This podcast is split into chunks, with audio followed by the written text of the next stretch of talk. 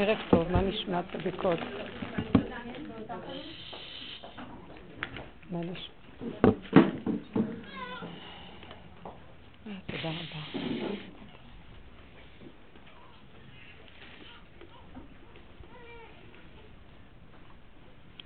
אה, הפרשה הזאת, פרשת בחוקותיי, אה, של הברכות והקללות.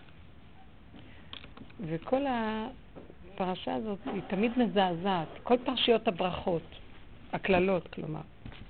פרשת בחוקותיי, פרשת כי תבוא, בספר דברים, וזה סוף ויקרא. וכל המקום הזה של אה, הברכה, הקללה, למה, למה מזעזע אותנו הקללה שבתורה? כי ברור, בשכל הטבעי, אתם יודעים איזה קללות נמרצות יש שם?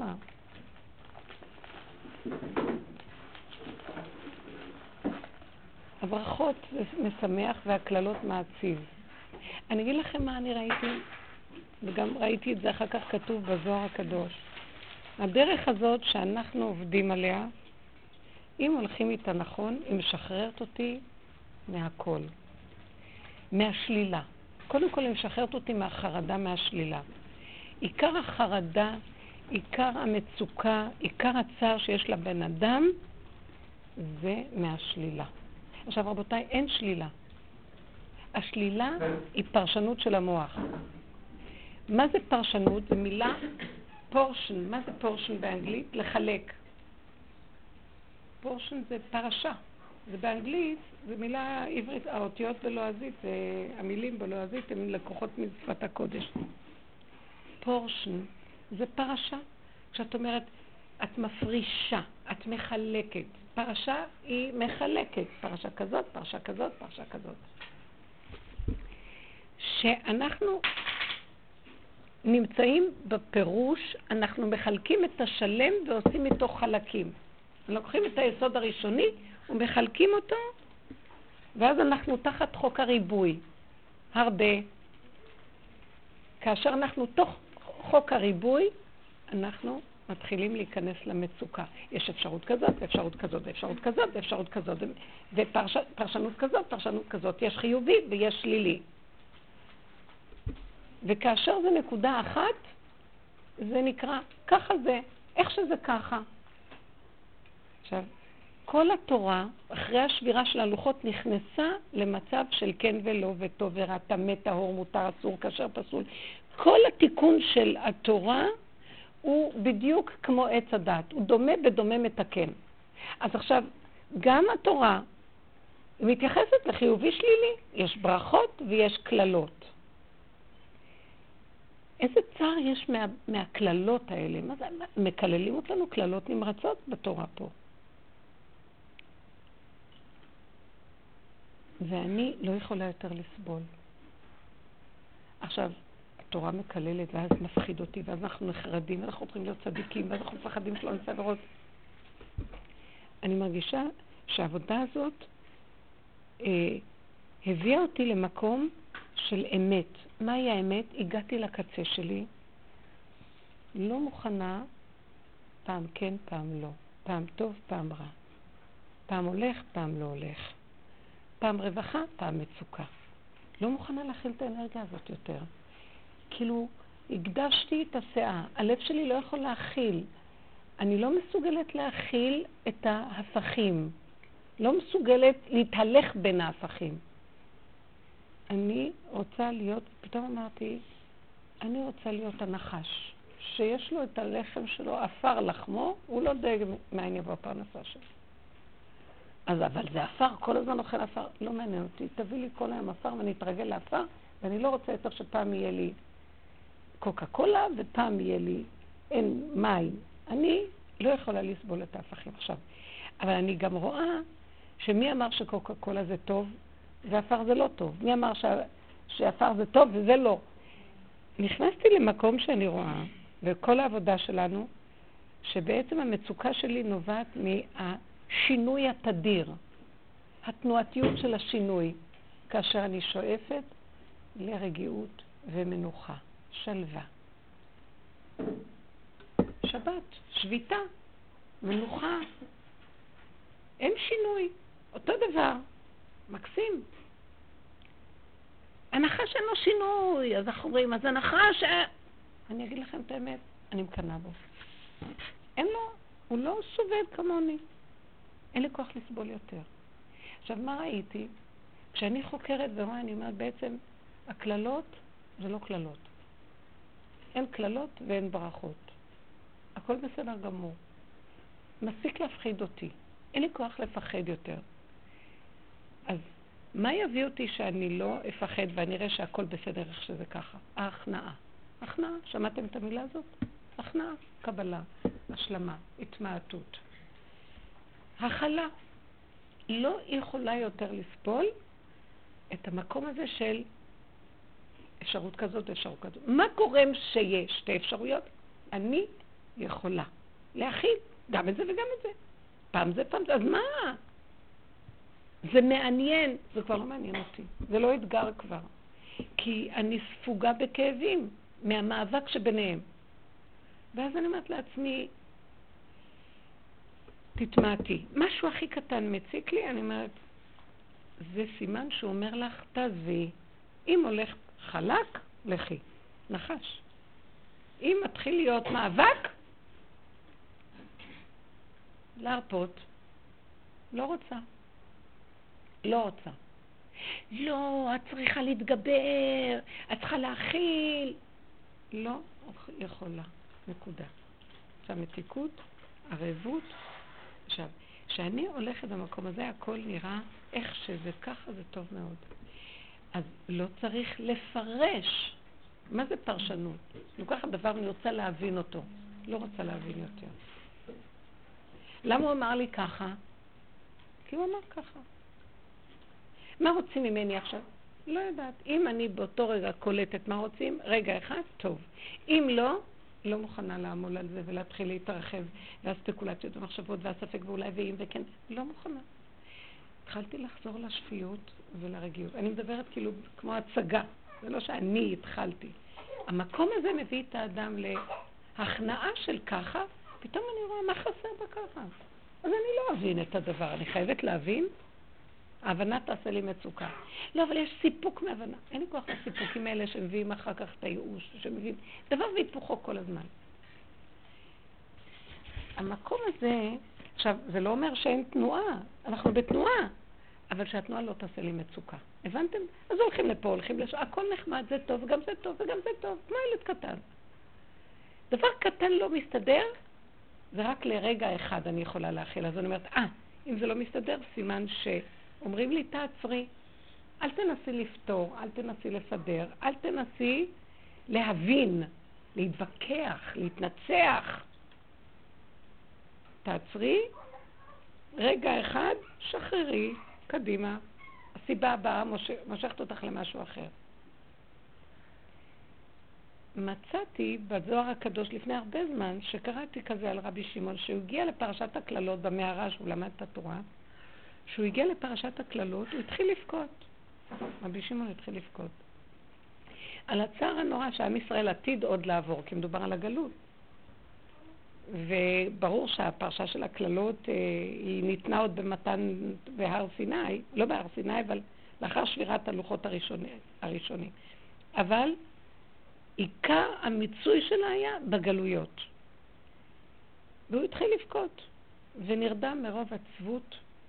בא אליו אליהו הנביא, ואמר לו, למה אתה בוכה? אם תתבונן לעומק, תראה שהברכה זה הקללה. הקללה זה הברכה. לא הברכה, הקללה היא הברכה. ואין סתירה בין הברכה לקללה. זה מאוד מעניין שיש מקום ש... שאם אתה קורא את הפסוק, שורך גזול מאיתך ולא תאכל ממנו. חמורך משהו. אה, כאילו, יש פסוק כזה, חבל שאין לנו כאן אה, חומש. חומש דברים, פרשת כי תבוא. אז אם קוראים את זה ישר, זה נראה קללה, ואם קוראים את זה הפוך, זה נראה ברכה. תאכל ממנו ולא גזול שורך. פרשת כי תבוא? אה? משהו כזה. אה, זה לא חשוב עכשיו, לא, אבל אם תרצי, בסדר. זאת אומרת, באיזשהו מקום, זה היסוד שאני לוקחת מהפרשה ואני מביאה אותו עכשיו לעבודה שלנו. קורה משהו, באמת שקורה. יש עכשיו מטח של אה, אנרגיה מאוד קשה בעולם. ויש, אני מרגישה את זה בבשר ודם. סערה, לחץ. אי אפשר להכיל. אז אני רואה דבר אחד. אני, העבודה הזאת מאוד עוזרת לי להבין שכל העבודה שעשינו היא, התוצאות שלה יהיה בזמנים עכשיו שהולכים לקרות. אנחנו מאומנים. מה, פתאום ראיתי אני מאומנת, אני אומרת לעצמי, לא להתרגש, לא להבין, לא לדעת. אה, את שומעת? שמעת. לא להתרגש. אה, מה הכוונה? לא לפרש. אה, את מוכנה, מה אומרים ש... אל תדעי. אני יכולה לעבור את המצב הזה ולהישרד ברמה אחרת לגמרי. ואם אני טיפה פותחת, אתם לא יודעים איך שזה חודר לעצמות ומחליש לי, אני יכולה להתעלף מעוף חולשה. זה קורה עכשיו. זה בקלות. אני מבינה משהו שקורה. אני אגיד לכם, הסערה הזאת שקורית עכשיו יורדת לעולם, אני לא יודעת אם אתם מרגישים את זה, אבל אתם אולי כאן אה, לא מרגישים. ממש אנרגיה של סערה מאוד מאוד מאוד גדולה. מה שאני מרגישה הוא שיורד אור גדול חדש, וכשאין לנו יכולת הכלה הוא מופיע בתור סערה. הוא יסעיר את העץ הדעת, הוא מסעיר את העולם. ואם אין לנו, ורוב העולם לא יכולים להכיל אותו, נכנסים לחרדות, למתחים, לחצים, מריבות, כעסים, המריבות בעולם, מתח. ואם האדם יש לו את הבסיס שאנחנו מדברים עליו, יכולת הכלה. לא יכולת הכלה, הכוונה התמעטות. לא יודעת. אני קולטת בברומטר שלי שמתחילה להיות מצוקה. אני לא, לא רוצה להגיב לה שכלית, רגשית וגופנית. לא במחשבה, לא בהתרגשות, רגש, ולא בפעולה. קטן. זאת אומרת, נהיה לי המסקנה התקטנות. ואז אני קולטת שהאור הזה הגדול שהולך להתגלות פה בעולם, שהוא יסוד האור הגנוז, שכשהוא ירד לחלל העולם עם התוכנה של עץ הדת, שהיא תוכנת הגדלות, הוא פשוט יחרב. הוא ירצה להבין מה קורה, הוא יסר ממה שיש. כמו שלמשל מה שקרה עם העשרה האלה שהלכו עם ה... ואז ועדות חקירה, ואז רוצים לדעת מי, ואז... קורה, נגמר. נקודה קטנה. חוזרים לסדר. עוד פעם. למעשה באמת ככה אמת. הם לא מתו. הם מתו לגוף, נעלבו לנו מהעין. זה, זה מיטה של קורבן תמים. בסדר, יש איזה כוונה מאחורי זה, והם תחת כיסא הכבוד. בסדר? היו אנשים טובים. ונוער טוב, תחת כיסא הכבוד. לא פשעו, עוד לא התחילו את הקלקול של העולם. ככה נראה לי. אז אנחנו לא יודעים כלום, סוגרים. מה יעשה התרבות? ינבור, ומשפטים ודינים, וכעס, וזה יבקר את זה, וסערה מאוד גדולה, כאבים, צער, המשפחות שבורות. וזה, אני לא, לא דנה אף אחד, אבל אני לא יכולה להכיל. לא יכולה להכיל את זה. אני עוזרת להם על ידי זה שאני מתכנסת בדלת אמות, הולכת על הקטנה, ויש רק רגע אחד של סערה, ואותו רגע אומרים לי, אוי ואבוי לך לשכפל אותו על רגע נוסף. החיים לא שלנו, העולם לא שלנו. האור הגדול שהולך לרדת עכשיו, הוא צריך קטנות כדי שיהיה תועלת מהאור הזה ונוכל להשתמש בו לתועלת. קטנות יכולה להכיל אותו. הקטנות, הגדלות לא תכיל אותו. הגדלות תרסק אותו. הוא ית... לא תרסק את האור, האור ירסק את הבן אדם. יתרסק. יש שיגעון, אנשים, משת... כל מיני דברים. אני, אני אגיד לכם, אני נמצאת בעולם ואני רואה, אני רואה מאוד בקלות את הסערה, בלבול. אה, אפילו אנשים שכבר אנחנו רגילים שהם סוערים ובולבלים נהיו עוד יותר, אה, חולים נהיו עוד יותר מהתרופות שלהם, אלה שהם יש להם בעיות רגשיות נהיו עוד יותר, הכל נהיה יותר. אני חוזרת על היסוד של העבודה שלנו. עכשיו, להגיע למצב של התמנמלות, מינימה, to minimize, להיות כמה שאפשר יותר קטן. בואו בוא נפרק את זה ונסביר למה הכוונה. לא להתמודד. אתם מבינים מה אני מדברת? לא להתמודד, לא להתאמץ, לא לס... בשום דבר, לא להתאמץ.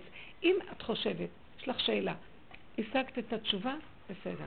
אם את צריכה לחשוב נורא, תעזבי את השאלה. אה, את מחייכת למישהו ואת מקבלת תגובה הפוכה על הפוכה. רגשית, את... מה? לא להתרגש. אז לא קיבלת תגובה. הולכת למקום. אני אעלה ואני אשבר, אני... גם העלבון הוא רק רגע אחד. הוא נגמר אחרי רגע. אל תשים ממנו שני רגעים, שלושה, חמישה, עשרה, שעה. אל תשים ממנו. איך? איך? של מה? בדיוק. היא אומרת לי? ואז כאילו במקום לסגור את זה, פותח את זה. כן, בדיוק. עכשיו, ממה המילה הולך רכיל? רכיל רגיל, רגלי. זה הליכה. זה עוד רגע ועוד רגע ועוד רגע ועוד רגע, נהיה הרבה. זה נקרא הולך רכיל. כמו רוכל שהולך ממקום למקום והוא מתחיל. לא. נקודה. שלום. אתם יודעים משהו? כל יסוד הקללה נובע מזה שהתרחבנו מנקודת האמת שאין לנו עליה שליטה, העליבו אותי, אין לי שליטה. אבל היא רק רגע. מתי מתחילה הקללה? כשאני מתרחבת עליה. יצאתי מנקודת הברכה, שמהי הברכה? כתוב על השבת, כל שיטה יומין מתברכין מיני. השבת, ממנה מתברכים כל השיטה ימין. זאת אומרת, הנה השבת, ממנה כל השלושה ימים והשלושה ימים מתברכים. קו האמצע. מתוכה צומח כוח, כוח הצומח. זה לא דבר שבא מהדעת, מבחוץ. ברכה זה דבר, מה זה להבריך את הגמלים? להוריד, נכון? להבריך מלשון ברך, לקפל את הברך, להוריד את הגמלים, זה נקרא להבריך. בריכה, זה מלמטה למעלה. נחל נובע מלמטה למעלה, מתוכו הוא נובע. עכשיו, זאת הברכה. יצאת מהמקור, מהמקור עצמו, את יכולה רק רגע. כי הרגע הוא עדיין כלול בדבר עצמו. והמילה רגע נגזרת רגיעות, מלשון רגיעות. את ברגיעות, רגע, רגיעות. יצאת מזה לשני רגעים, כבר המצב שלך לא פשוט. זאת אומרת, הברכה נמצאת בשורש של הדבר, כי הברכה היא לא באה מבחוץ, היא מתוכו, הבריכה והברכה. ואילו הסערה וכל המציאות של העולם והקללה באה מהריבוי, ההתרחבות, הריבוי אפשרויות, פרשנויות, מציאויות. לא. הקללות נמצאות שם. ולכן עיקר הקללות זה בגלות, כי גלינו מארצנו ונתרחקנו מעל אדמתנו, ואנחנו עכשיו אה, תחת חוק ההסתברות וחוק המקרה. אולי ככה, אולי ככה. איך שנראה. תקשיבו, זה קשה. אנחנו לא תחת חוק היחידה. אין דאגה, אין מת... כי משהו בבשר יודע שהכל בסדר והוא לא יקרה לו כלום והוא יקבל את מה שהוא צריך אם יש לו צורך ואם יש לו שאלה, תהיה לו גם תשובה ואם יהיה לו, יהיה לו צורך של משהו, גם יהיה מי שימלא את הצורך שלו. יש ידיעה כמו התינוק. התינוק יודע. זהו, נקודה. הוא יודע, הצעקה שלו היא לא נובעת מזה שהוא לחוץ שלא ייתנו לו. זה הצורך שלו מביא את, מחזיר לו את מה שהוא צריך. אתם מבינים מה אני מתכוונת? הצורך צועק, זה לא, הצעקה שלו היא לא צעקה כמו שלנו, ואיך הוא מלחיץ את כולם. אנחנו מפרשים את הצעקה של התינוק כמצוקה. בכלל לא. זה התקשורת שלו לצעוק לשורש שלו, תיתן לי, כי אין לו דיבור. הצורך צועק, וזו צעקה של מילוי הצורך. מאליו. עכשיו, זה המהלך שאני רואה שעכשיו ממש חייבים להחזיק בו חזק חזק, זה כאילו, אה, חבר'ה, מטלטלים את העץ או את הענף, תחזיקו חזק. איך אנחנו מתרגלים את המקום הזה של הרגע, של הצמצום, של ההתכווננות? אה, אנחנו בסכנה. ממש סכנה. אני עברתי כמה חוויות ואני שומעת את התלמידות מסביבי בכל השיעורים, שאני מרגישה שהמסר שרק אומרים לי לעשות, להגיד, זה למסור שעכשיו נהיה עוד יותר לא חושבים, לא מבינים, לא יודעים, מצמצמים, נוגעים בנקודה, ממתינים ונכנס אור חדש. אה, יש משהו במדע שקראתי, לא קראתי את זה מאיזה מישהו, לא יודעת, קראתי את זה מאיזה משהו, מישהו שהוציא איזה כתב עת של משהו, קטע קטן, ואיך אה, הם אומרים? שכל ה... אה, עד כה ידוע שכל הגנים באים מהגרעין. הגרעין יש לו את כל, ב-DNA של הגרעין יש את הגנים. ועכשיו מתחדש להם שבכלל לא מהגרעין, אלא ממעטפת הגרעין, יש איזה מין רקמה כזאת, שהיא קובעת את התכונה. ושם הוא מביא עוד דבר מעניין, שהוא אומר שזה מעורר את ההבנה של מה שקוראים להם תורת הקוונטים, שאני גם לא מבינה בזה, אבל כשקראתי קצת, שעכשיו לא, לא העיקר הדבר או הקו, נגיד רשת, יש קווים לרשת, אלא החלל שבין הקווים, הרווח, הרווחים שבין חוטי הרשת. אז הם עכשיו אני שמה לב בכל מיני דברים שעכשיו שמים לב לא על ה... זה כל כך מעניין אותי, אני עוד קראתי משהו נוסף על, אה, על עצם הלוז, שהוא נמצא מאחור, ויש מה שנקרא בלוטת השקד, נכון? מעניין שאני חיברתי ביניהם, שבלוטת השקד היא השורש הקדום מאחור, ויש בה את הנוזל שממנו כל הגוף מקבל את החיות. אז כאילו, במקום הזה שהוא בעצם מאחוריו, והוא נקרא קדום יותר, והוא בעצם הסוף, הוא, והוא בעצם אין לו, הוא לא העיקר, יש בלוטות קדמיות שהן יותר עיקריות, ממנו בעצם השורש של הכל. ואז אני קולטת שכל המפה היא כזאת. שכל המעטפת, האור הגנוז זה האור המקיף. כל המעטפת, העיגול מתחיל להתגלות. כל הדורות עבדנו עם הקו, עם הגרעין, עם הקו, עם המילוי, עם העיקר, שכאילו, אה, עם השכל, עם הקו הגברי. עכשיו עוזבים את הכוח הזה, ולא, הם, הם מגלים שלא, התכונות לא מגיעות מהגרעין עצמו. יש עליו איזו מעטפת, של איזו רקמת מעטפת, שמזה זה מגיע. זאת אומרת, הם כבר שמים עכשיו את הדגש על המה שעוטף, האור הכולל, הסובב, העוטף. כל העבודה שלנו קשורה לחזור לאור העוטף הזה. אנחנו עובדים עם העיגול, לא עם הקו. כי בעיגול יש את הסדר, בקו יש את הסדר של ההשתלשלות. כלומר, התורה, מה היא אומרת לנו? יש ברכות, יש קללות, יש טמא, ויש טהור, וזה מותר וזה אסור. ואנחנו כל הזמן בינינו. טוב, תגידו שמרוב שתיקנו את המותר והאסור והכשר, כבר נהיה שהעולם נהיה מסודר, וכבר הגענו לתיקון, נהיה עוד יותר אסור ואסור ואסור אסור.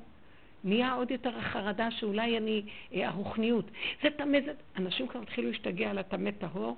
מי שבאמת נכנס לזה ויותר מדי אה, קללה וברכה, חיובי שלילי, והתגובות שלנו מחלות אותנו עוד יותר.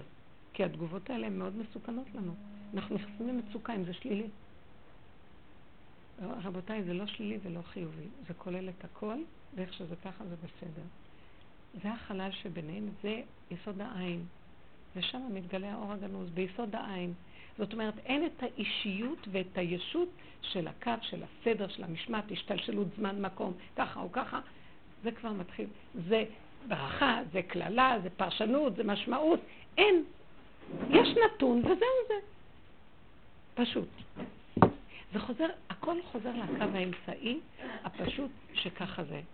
ואיך שזה ככה מתגלה שם, וכתר כל הכתרים מתגלה, זהו.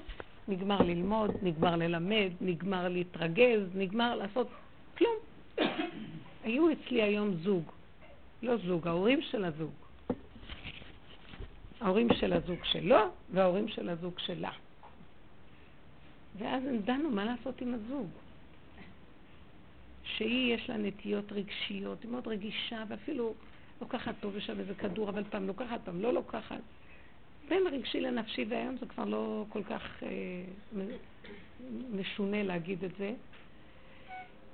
והוא בחור מאוד מאוד טוב, אבל אה, הוא מתבלבל ממנה, ויש להם שני ילדים, וילדים מוזנחים, הוא לא קם בבוקר, לא הולך לתפילות, אין לו כבר כוח אה, נפול, והיא לא יכולה להכיל את הילדים לבד כי הוא לא עוזר לה, כי הוא לא קם, והיא בתוך עצמה, ולא...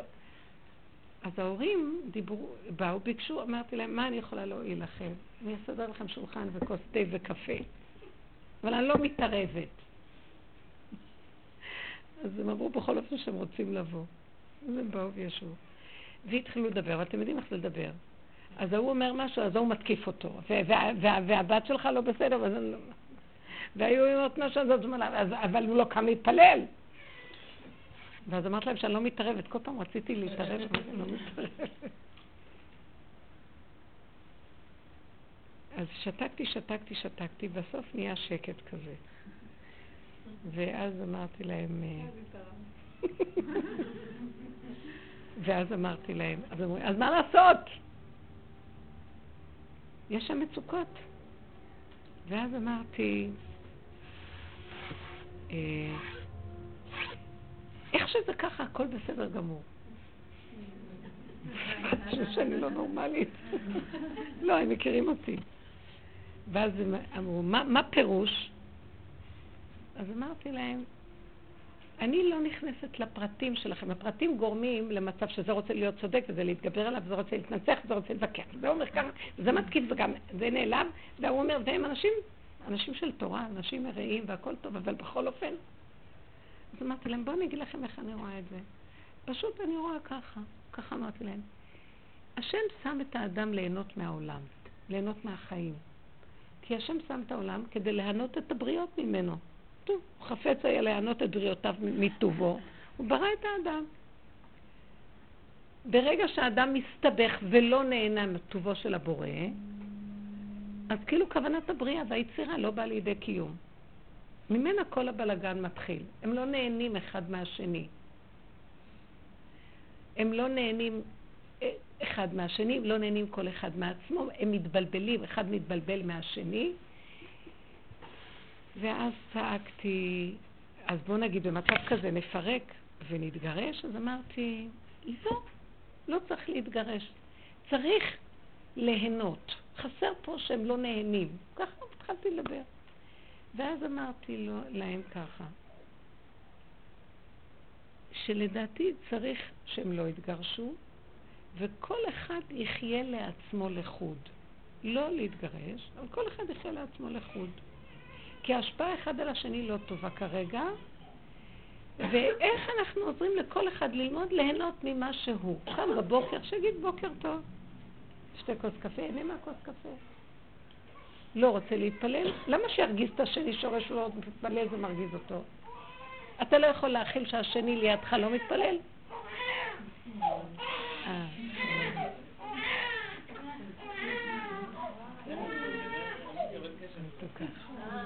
הבעיה לא של התינוקת שהיא בוכה עם קול כזה, הבעיה שלנו שאין לנו יכולת, אנחנו רוצים שינוי, רוצים פתרון, רוצים, מה אכפת לנו? היא לא בוכה ממצוקה.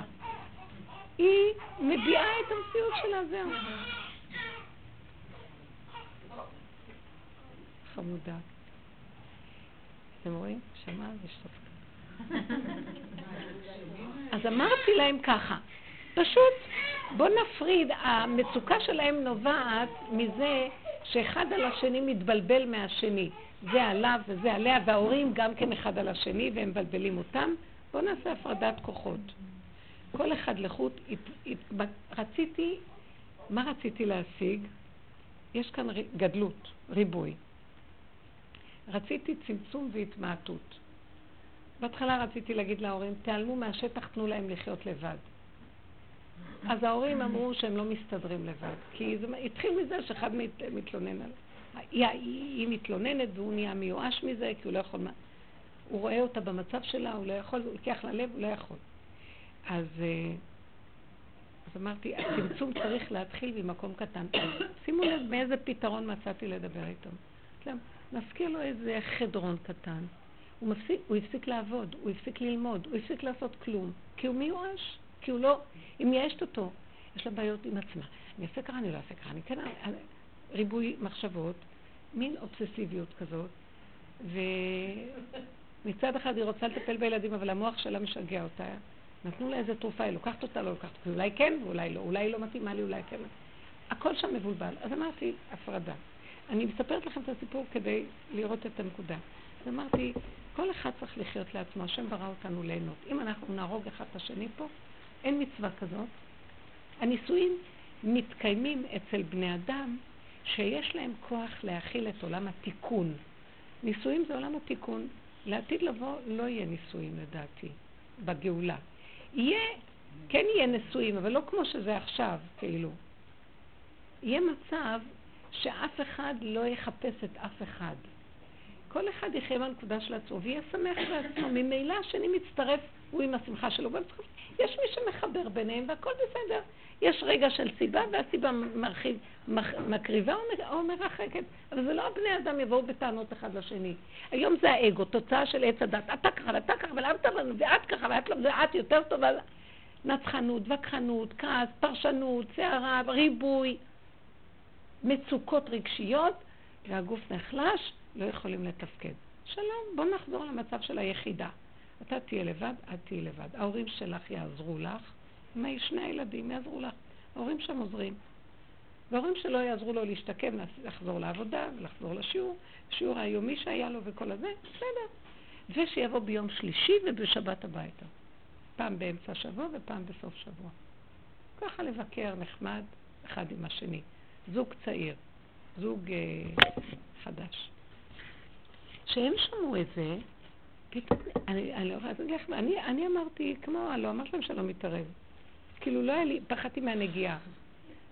ואז בא ממקום נקי להגיד להם, ואז שניהם שתקו, שני ההורים, והייתה הסכמה פשוטה, רעיון טוב. לא גירושים, כי הם כבר חשבו ללכת על גירושים. לא, לא להתגרש. זה לא נדרש, זה לא גירושים, זה מצב של חבל להתגרש.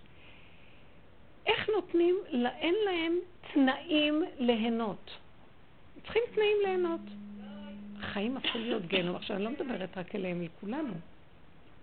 אם אני רואה שיש לי מצוקה, אני ישר מפרקת את השורש של המצוקה, שזה הפרשנות, הסערה, הבלבול, ואני אומרת, רגע, רגע, רגע, יש לי רק רגע אחד, והעיקר היסודי שלי זה לא הבן אדם הזה או הזה, זה, זה אני עם עצמי. כי העיקר שלי, זאת אומרת, ההישרדות העיקרית שלי זה הנשימה שלי עם עצמי. אז אם אני נושמת עם עצמי ואני נשרדת וטוב לי באותו רגע, למה שתהיה לי מצוקה? עכשיו מוח לי, לא, אבל את מכירה אותו ויש לו בעיה ואת צריכה לטפל בו ואת אחראית עליו. קודם כל אני אחיה ולא אמות. עכשיו, זה לא אנוכיות, זה שיא האנוכיות. זה לא אנוכיות, זה שיא היחידה. ורק מהמקום הזה שאני מתחברת ליחידה שלי, לאיזון, מתוכי יכול לבוא איזה רגיעות, ערבות, מתיקות פשוטה של סבלנות, וזה לא אני, כוח מבפנים, כוח השכינה, יבוא לטפל בסיפור. או שזה יהיה דרכי ויהיה לי איזה אורך רוח לא נורמלי ולא יהיה אכפת לי, לך במקרה של הזוג הזה, לך להתפלל, לא ילך להתפלל, יהיה לי כוח לטפל עם הילדים לבד ואני לא אצטרך אותו. הוא יקום לבד, ינטר מהמיטה כי שמח לי והוא רואה אותי שמחה עם הילדים וצוחקת ולא מתרגזת. החיים יראו אחרת לגמרי. בואו נחזור לשורש של היחידה. שממנה יסוד הברכה. כל המצב הזה של הפיצול והריבוי, זה הסערה הכי גדולה שיש באדם. אני חושבת, עכשיו שמתחיל לרדת אור חדש, הוא מנסה, הוא מנסה את הבני אדם. זה לא שהוא מנסה, האור הזה גוף, האור הזה גוף היוצר מצב שאנחנו פשוט מתנסים בו.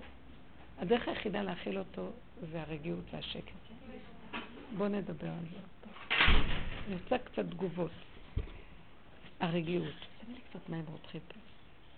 הרגיעות... איך שאומרים את זה, שמצפים לתגובה, שמעת מה קרה, אה, מישהו חולה, כאילו קורה משהו וזה בא מולי, כאילו, אני לבן עצמי, שאני לא מוציאה את המילים מהפה, עוד איכשהו אני יכולה אולי לעשות את העבודה.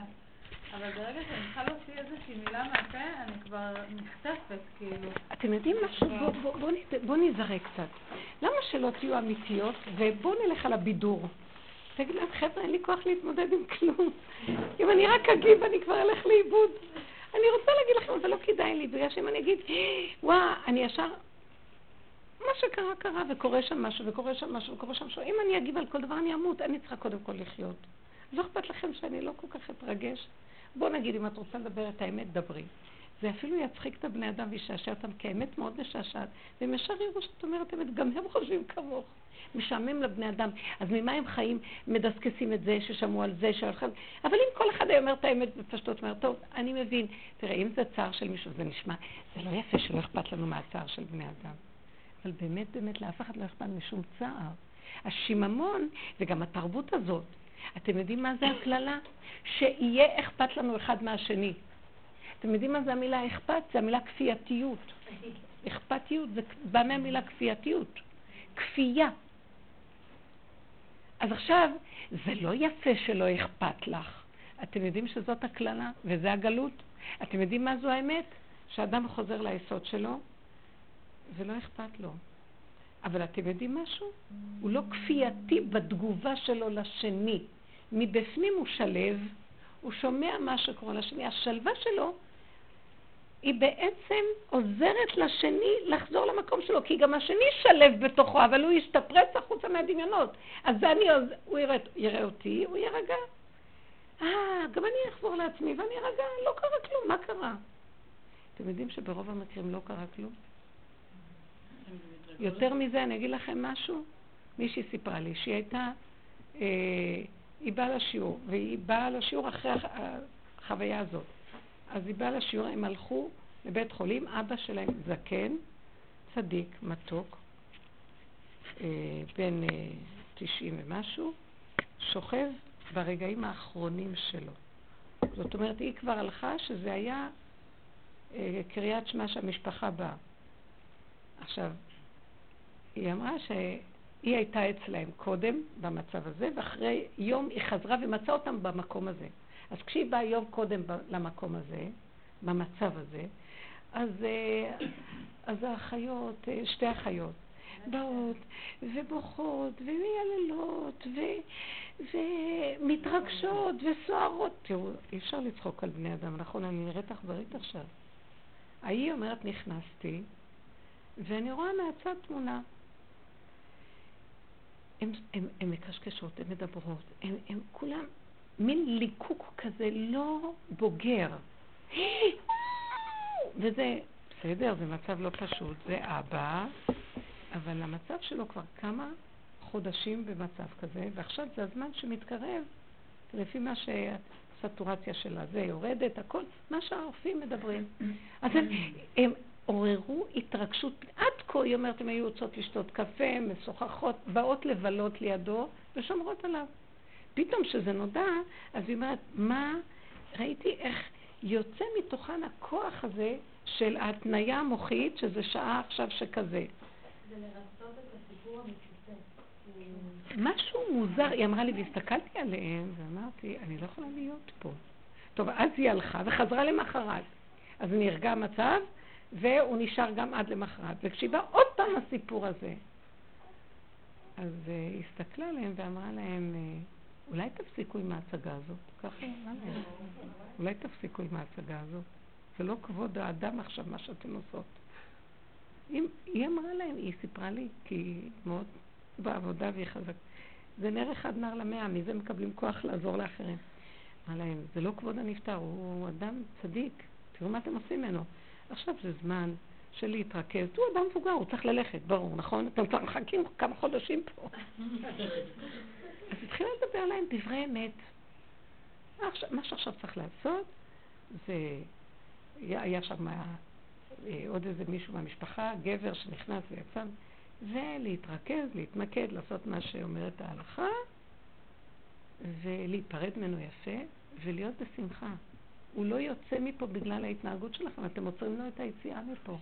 אתם אחוזות, והאחיזה שלכם משאירה אותו וכובלת אותו, שחררו. ואל תלכו עם ההצגה הזאת, זה לא הצגה אמיתית, זה לא נכון, אתם לא מצטערות כל כך. זה התניה, כי ככה אנחנו מספרים למוח את הסיפורים, ואז יוצא כל ה... יש רגע של תדהמה מהמצב הזה, אבל זו כבר הכנה מאוד ארוכה. הם התיישרו אה, והסתכלו עליה. היא אומרת לי, זה היה, למח... היא הייתה בערב הקודם, ואחר כך היא באה בערב הזה לפני שהיא באה לשיעור. היא באה קצת באיחור, כי היא הייתה בסיפור. והיא אומרת, איך שהיא אמרה את זה, הבנות התיישרו, בדיוק נכנס האיש הזה, הוא היה במקום בחוץ, הוא לא שמע מה שהיא אומרת, נכנס, ואז הוא אומר, או-או, אז הוא מיקד את כולם, התחילו להגיד קריאת שמע, וידוי דברים, כל מה שצריך. והבנות ניגשו אליו, כל אחת נפרדה, יפה דיברה והכל, והיה שקט בהנשמה. ככה הוא נפטר, בשקט, והאחות באה, את הפנים, הכל, מה, היה מכובד, אצילי ויפה. סליחה, זה כבוד האדם, לא, התורה אומרת לא לשרוט שרטת, ולא להתגודד, ולא להשתגע. זה מכובד. אתם יודעים אצל רב אושר שלא נדע. בעצם אצלו לא היה, אם נדע, לא נדע כלום. איך שזה ככה זה בסדר. היו, שהיו נפטרים, היו, נפטרו על פניו חברים וזה, היו מעבירים את המיטה דרך הבית שלו. הוא היה יוצא, ממלמל משהו וחוזר. שהבן שלו נפטר על פניו, הבן שלו נפטר בגיל חמישים ומשהו על פניו, הוא נפטר בגיל תשעים וארבע. אז אה, זה היה דוגמה. הוא לא, לא רצה שיספידו, הוא לא רצה מודעות, הוא לא רצה כרוזים, יוצא כרוז בירושלים, זה מנהג בירושלים, כרוזים, אה, מודעות, כלום. הוא אמר, ברוך דיין האמת, נכנס ויצא מבית ההלוויות. הכל פשוט. והוא אמר, הנשמה פה, ואחר כך היא יוצאת כמו מדלת למקום אחר, ואסור, כל ההתנהגות הזאת היא לא אמת. האמת שיש רובד פה ויש רובד אחר כך, וזה לא קשור, יש נצח של האדם. ולנו אסור לאבד את אותו נצח. בגלל ההתרגשות של הטבע והסערה שלו. עכשיו, אז מה זה חשוב אם הגוף הולך, או עכשיו באה איזה סערה ואת מרגישה שצריך למות? רגש, משהו שסותר אותך. באמת, זה לא חשוב. מאיפה באנו הכוח להתנהג ככה? המוח שלו נמצא בתוך הפה. הוא הקטין את עצמו ואמר, אבא, זה הכל אתה. זה הכל שלך. אני פה, יש לי רגע, ומה שאתה נותן לי כוח באותו רגע לפעול, והכל שלך, רגע אתה לוקח, רגע אתה מביא. סיבה מסתובבת, אני עובד עם הסיבה ופועל. נגמרה הסיבה, נגמר התפקיד. אנשים רבים בתפקידים, רבים על הכיסאות, רוצים להמשיך מלכות, לא מוכנה לוותר אה, את המקום שלה בשביל אחרת. נגמרה מלכותה. מלכות אחרת צריכה לבוא. לא מוכנים למסור את המלכויות. זה קשה מה שקורה. אין התחדשות, הזדקנות, התיישנות, אין חיות. מה זה התחדשות? רגע, זה עוד רגע, זה סוד להיות צעירים, זה סוד החיות, התחדשות. סוד החיות זה ההתחדשות. זה סוד הרגע. מה זה? התקטנות. תתקטני, כי הגדלות לא נותנת יס אחד ועוד אחד ועוד אחד ועוד אחד שווה. ככה וככה, ועוד פעם ועוד פעם. אני אגיד לכם, אני בשבועות האחרונים עוברת, זה כל הזמן סערה, לא יודעת להסביר את זה. המון דברים לעשות, ותפקידים ועניינים, ומה שתמיד אני רגילה, אבל עכשיו זה כאילו תחת זכוכית מגדלת. ואני מרגישה שמנסים, ואז אני אומרת לעצמי, אל תתבלבלי, תחזרי לצמצום. אבל נהיה כפייתי, אבל אני צריכה... את לא צריכה כלום, אם הולך הולך, ואם לא, אז לא. אין לי כוחות בגוף. יש לך רק נשימה אחת. הלכתי, הלכתי לנוח, שמעתי קידוש ונשארתי במיטה אבל. למחרת קמתי, הוא חידש אותי. בן אדם חדש. חדש. חדש.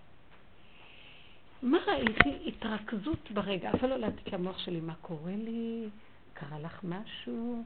אולי את צריכה להתקשר לזה? בדיקות? כלום לא. זה רק אתה הרגע הזה. מה שאתה רוצה תעשה איתי. לא רוצה להתרגש. אין לי כוח להתרגש. אין לי כוח לפעולות. מה יכול... לי... לא רוצה להתרחב בכלום. אני רואה ששם יש נקודה מאוד מתוקה של התחדשות. וזה לא פעם ראשונה שדברים, לא, לא ככה, אבל יכולים לקרות בכל מיני צורות. לא להתרגש. אמרתי, ריבונו שלום, אני אבקש ממך. אני לא מספר לכם סתם, כי זה, זה, זה חוויה קטנה. כל החיים עוברים מלא דברים כאלה, מה חשבתם? וקמים. אבל כמה סערה עד שקמים, וכמה אנרגיות מתפזרות, וכמה במוח מתבלבל, וכמה חרדתיות, וכמה... חבל על הזמן. מה יכול להיות? לא קרה כלום כי לא היה כלום, כי אין כלום. אה, מישהי אמרה לי על נתניהו שהיה בבדיקות, שהוא לא הרגיש טוב. אז בבדיקות נתנו לו... כן, אני ממש מתפעלת ממנו. אז לא, הרופאים כתבו לו, אין לך כלום, ולא היה לך כלום. ולא יהיה כלום.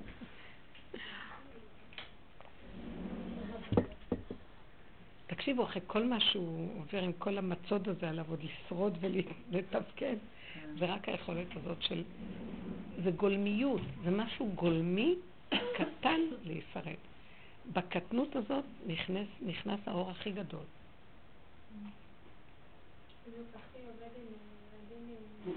עם מי? אני לא שומעת טוב. אמרתי, אחי עובד באיזה הוסטל. אז הוא הלך עם אחד הילדים לפסיכיאטר, ואז הוא מתייעץ איתו, אמר, אני טיפוס לחוץ כל הזמן, כל הזמן בלחץ, מה אני יכול לעשות כדי לא להיות בלחץ? והוא אמר לו, ראית פעם את ראש הממשלה לחוץ? הוא אמר לו, לא, לא ראיתי, הוא אמר, כי הוא עכשיו יש לו פגישה, הוא לא חושב על כל הפגישות, הוא חושב, עכשיו אני בפגישה, אני פה, אני ממש כמו שאת אומרת. אז אני אומרת לכם, זה סוד. עכשיו אני... לא, זה מה שהוא ענה, הוא אמר, היינו אצלו שבת, זה מה שהוא אמר.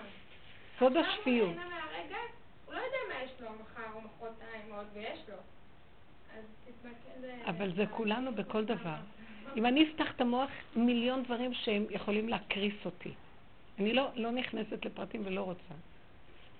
אסור לפתוח את המוח. לא לפתוח, לא לדעת, לא להבין. אין דמויות, אין אנשים. אז הם אמרו לי, מצפים ממני אנשים. תקשיבו באיזה רמת עבדות אנחנו.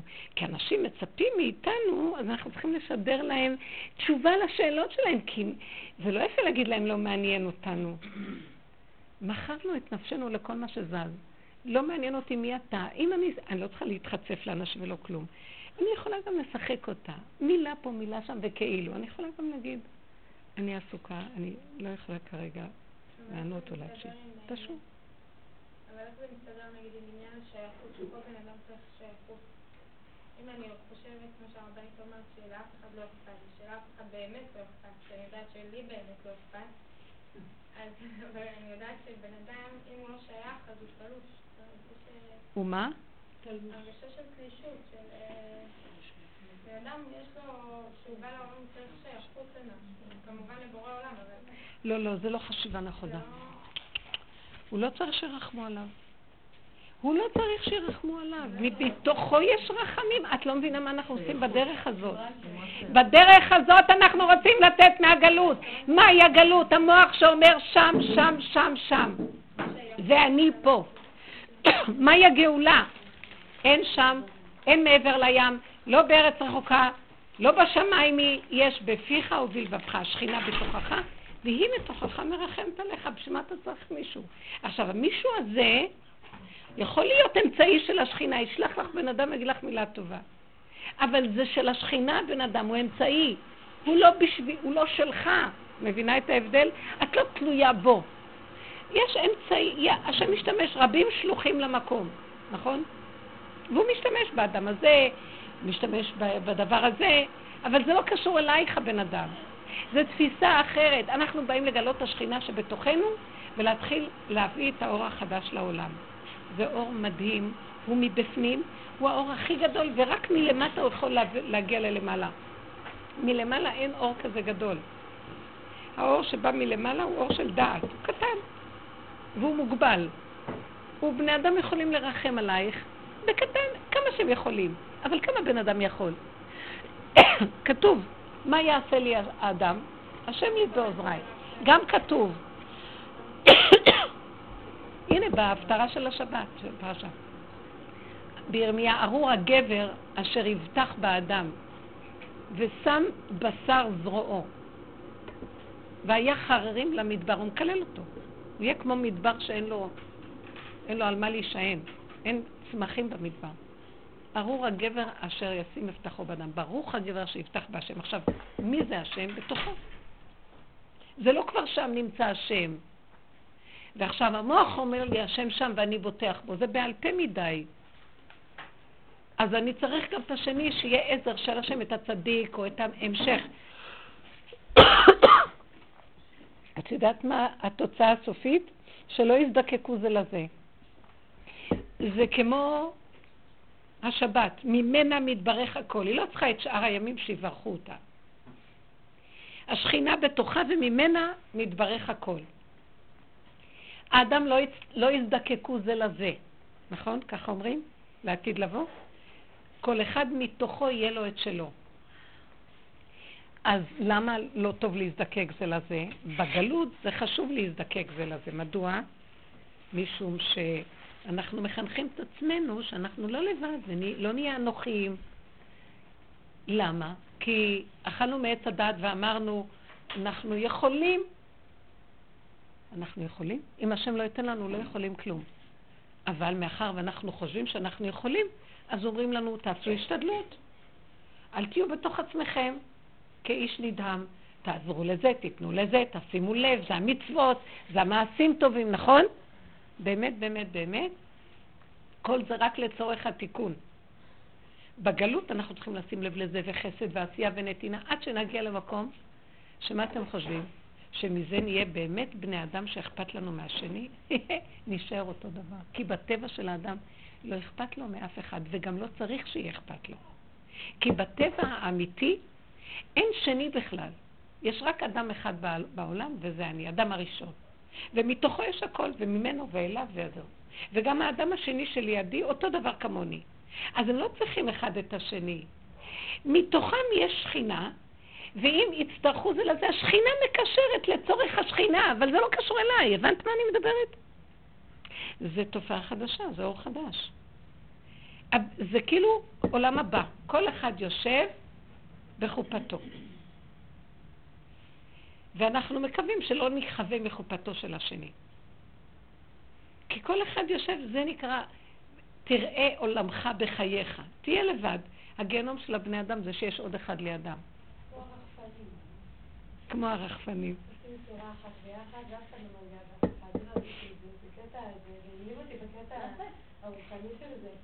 זה. הרחפנים האלה בחגיגות השדים וזה.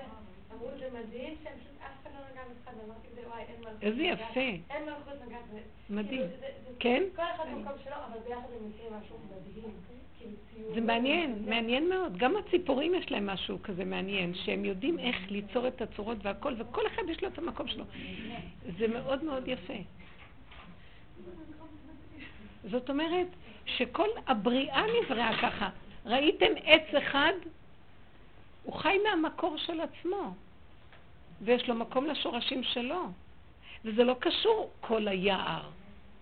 עכשיו, כל עץ הוא כמוהו, אז אני נותן רושם לעין הכללית שזה יער, אבל באמת כל, יש שם רק עץ אחד. זה כל הסוד של הגאולה וזה יחזור להיות. והתפיסה הרוחנית הזו, התפיסה של האמת חוזרת לעולם. אבל אנחנו צריכים לבקש שהיא תתגלה על ידי העבודה שלנו ולא בחינם. כי בסוף זה יהיה, אבל אנחנו אלה שמביאים אותה על ידי הבחירה להפסיק עם השיטה של החשיבה של בחוץ. זה לא אומר שאני לא נעשה חסד, זה לא אומר שלא נקשיב לשני. זה אומר שכבר אין לנו הבחנה מה זה חסד אמיתי ומה זה שקר. כלומר, כל אחד שידבר שטות והוא צריך שאני אקשיב לו, אני אקשיב לו, ואין לי זמן ואני לא יכולה ואני מתרגשת מכל דבר, ואז אני מתבלבלת, ואז אני אגיד לשון הרע, אה, אבל לא נורא, אבל זה לא נעים, כי אני צריכה לשמוע את השני. סליחה, זה שקר וכזב כל התרבות הזאת. לא, אני, את יודעת מה? את לא צריכה להתחצף לאף אחד. את לא חייבת לתקשר עם כל העולם. שלום, שלום, בוקר טוב, מה נשמע? שלום. צריך להקשיב. ההוא רוצה לדבר איתי משהו. אז בהתחלה הייתי נימוסית, אחרי כמה זמן ראיתי, אני רק רואה את ההוא מאחור, מקדימה, מתחיל להתקרב אליי, אני תופסת זינוק לכיוון. כי ראיתי שאנשים מפחידים אותי. אז אני נמצאת בשכונה שלי, עכשיו שכנה שלי אומרת לי, איזה שכנה נהדרת יש לנו כשהיא רואה אותי, פעם בכמה זמן. אז אמרתי לה, זה בגלל שאת לא רואה אותי. אם היית רואה אותי, לא היית בכלל אומרת את מה שאת אומרת. ואז התחלנו לצחוק. ואז אמרת לה, היי, שלא תתחיל להגיד לי, תסבירי לי מה. הסכנה כל כך גדולה. אנשים מתרגלים לזה גם, אם אתה כאילו לא עונה להם, נגיד אם אמא שלי שתהיה בריאה, אמא שלי היא באמת אישה מדהימה, אבל היא כל הזמן קורבן של הקלות שלה. עכשיו בהתחלה זה היה כל הזמן, סיפורים על גבי סיפורים, הייתה מתקשרת אליי במשך שעות, כל שבת שהאחים שלי היו נמצאים, והייתה מתקשרת אליי ומספרת לי את כל העלילות אז בהתחלה הייתי מנסה ללמד זכות, ואז זה היה מעצבן אותה, ואת תמיד רואה רק את זה, ואת לא רואה את המקום. ואז אמרתי לעצמי, אוקיי, אני לא עונה לה. היא תדבר, אני לא אענה לה. והיום השיחות שלנו נשמעות ככה. והיא עשתה והיא אמרה, טוב, אז ביי. ואני לא אומרת כלום. ואני אומרת לי, מי דיברת? אני אומרת לו, עם אמא שלי, שמעתי, לא באמת לא אמרתי אפילו ביי. ממש. היא אמרת לי, לא, והיא עשתה, והוא אמר, והוא טיפס על זה, והיא אמרה, והן שולטות, ואת מבינה, ואני נשארתי לבד. טוב, אז יאללה, ביי. מדהים, מדהים. אתם מבינים? אני אפילו לא, לא מנסה ללמד זכות, כי זה באמת עניין שהיא תברבר, היא תסיים והיא תגיד לי טוב ביי, זה כבר כמה פעמים, היא התרגלה לזה שאני כבר כאילו כבר לא עונה.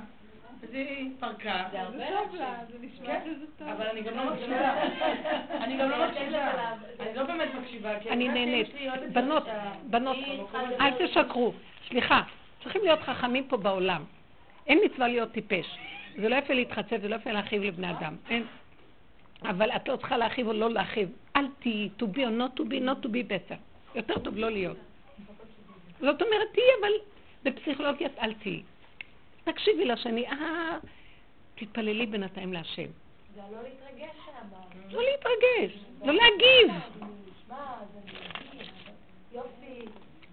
בדיוק, אני, לפעמים אני לא, לא, לא מקשיבה כל כך, ואז אני קלטתי חצי מילה. ועם זה אני ממשיכה להחזיק את הקשר שלא להרגיש שאני מי יודע מה לא. ואחר כך אני פותרת את עצמי לשלום, וראיתי, והוא שמח, כאילו מה הקשבתי לו, וראיתי, הוא לא דיבר על כלום במילא. לכן לא היה כלום כי אין כלום. זה דמיון מאוד גדול לתרבות שלנו. ועוד רבים ומתווכחים, לוקחים ברצינות. אז לא היה, ולא נברא, ודי, נגמר. אז אמרו, אז הלכו, אז שאלה רבנית, אם מישהו אה, נפגע ממני או נעלב ממני או כועס עליי בגלל החוסר שיתוף פעולה הזה, זה מדד לזה שאני לא מדויקת עם עצמי? מה זאת אומרת חוסר שיתוף פעולה? כאילו, אה, שאני נאמנה למקום הזה שלי, ליחידה שלי, למקום הזה שאני לא רוצה להתערבב ואני לא רוצה לשמוע ויש לי איזה מינון שהוא שלי. ו... אני אגיד לכם, יש משהו. מה שאת עושה הוא נכון, איך שאת עושה אותו לא נכון. כי את רצינית עם זה. אני עם עצמי. מבינה מה מתכוונת? אז אם את... צחקי אותה קצת, כמו שהיא עכשיו תיארה, אם שמעת אותה, היא לא מראה אני עם עצמי, וזאת האמת שלי. אתם מכירים את האמת הזאת? להתנגד, כאילו. אל תתנגדי, ואל תהיי רצינית מדי, ואל תהיי גם באמת שלך ברצינות, תהיי באמת. ואל תהיי, זה מה שנקרא קורבנית, פריירית. אל תהיי אה, מופקרת, זה נקרא הפקרות. לכל אחד את מוכרת את עצמך בגרוש, בכלום. ובחיני חינם נמסרים על כלום. כל דכפין יתה ויאכל. מה יוצא לך מזה? ותדעי לך, זה חוסר נאמנות לשכינה, לכוח הפנימי, שממנו מתחיל להיות תוצאות חיים, ואם היא רואה אותנו ככה, היא אומרת, אין לי איך, אה, בשיר השירים, אם חומה היא נבנה עליה טירת כסף, ואם דלת היא, נצור עליה לוח ארץ, דלה. כל דבר שובר אותה, כל דבר היא מגיבה, כל דבר היא עונה, כל דבר היא... היא חומה. נגמר. לכי לדרכך, מה את לוקחת לכם ברצינות? אז הוא ענה, אז הוא אמר, אז הוא לא. וגם לפעמים עוד דבר. אז לא עניתי. ויש עוד יותר מזה, גם התרגזתי על השני. אז אחרי רגע, זה תרגיל חד מאוד, אני מדברת עליו בקבוצות. כי יוצא עכשיו, אי אפשר לסבול כבר. אני אצחק קצת, אני אצחק קצת, והוא עוד ממשיך להתעלק עליי. בסוף אני אומרת לו, אני לא יכולה יותר.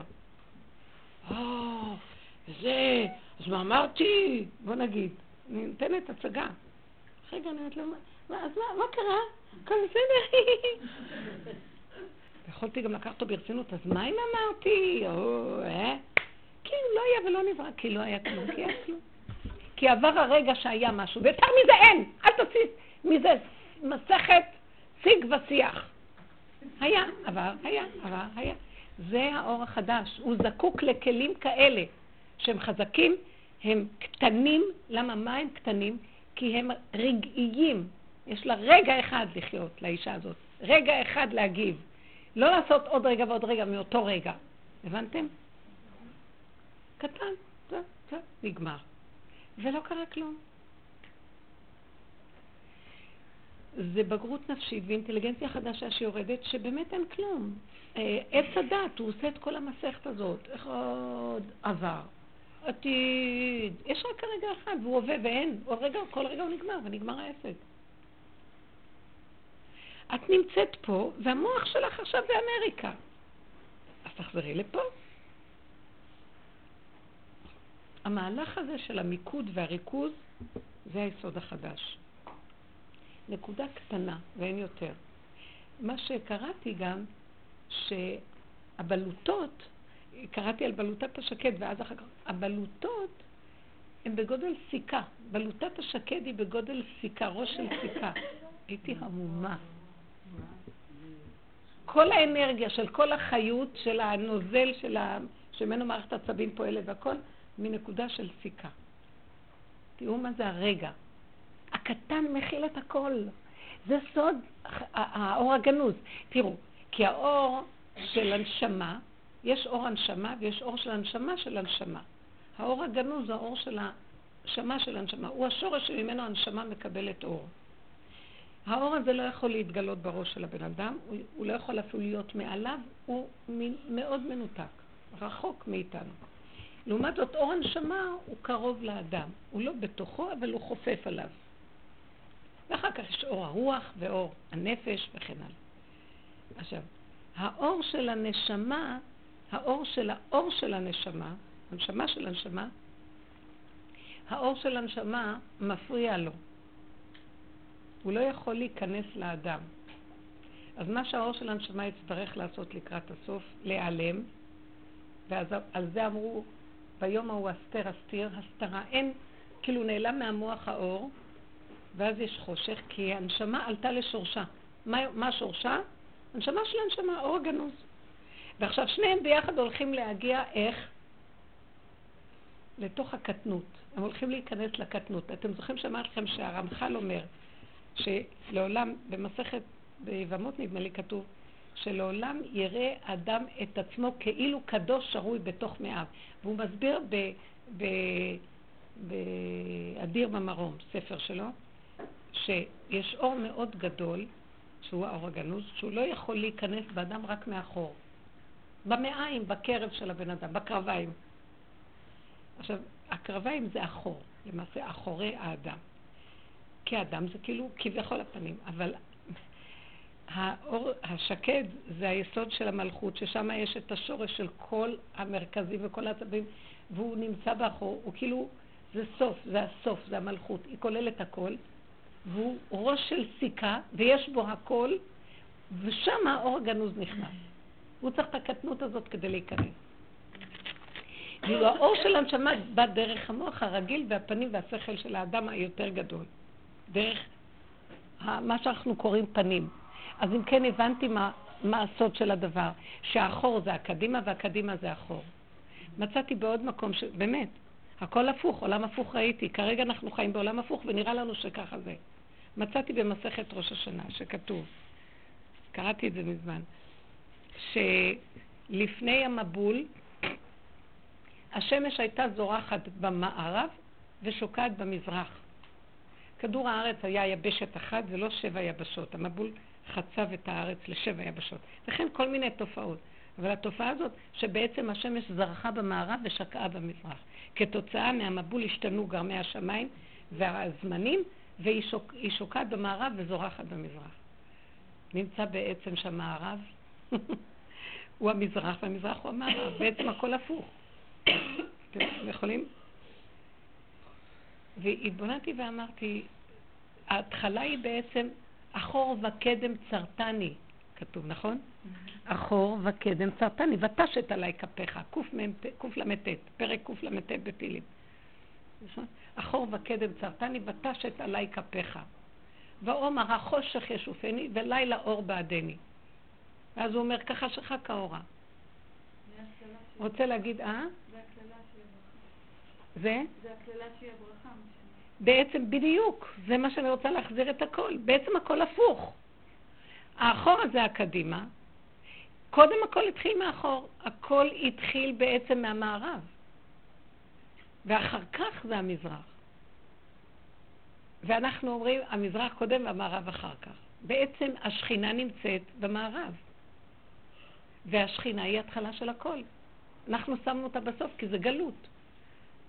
זה גם היסוד הזה של האור שהגנוז בא בעצם מאחורה, כי הוא בעצם ההתחלה של הכל, ממנו התחיל הכל ואליו חוזר הכל.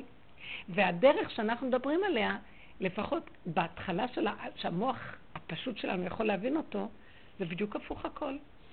את רוצה לרצות את השני, את רוצה לעשות חסד לשני כי את עושה לו חסד. בעצם באמת, באמת שבי ואל תעשי כלום, זה החסד הכי גדול שיכולה לעשות לו. עכשיו בגלות זה לא ככה. כי למה? כי כשאת יושבת, אם את באמת אוחזת, לא, בז... לא בתודעה של הגלות, אם את אוחזת בתודעה של האמת ואת ממוקדת ביחידה שלך בעצמך, שכינה עולה מתוכך, את צריכה לדבר כלום, מי שעובר לידך מקבל ישועה. זה הצדיקים האמיתיים. מקבלים ישועה דרכם, ואף אחד לא יודע בכלל. משיח נמצא פה, כולם חיים ממנו, ואף אחד לא יודע בכלל ממה אנחנו חיים. אבל הוא מוסתר, אף אחד לא יודע מי הוא.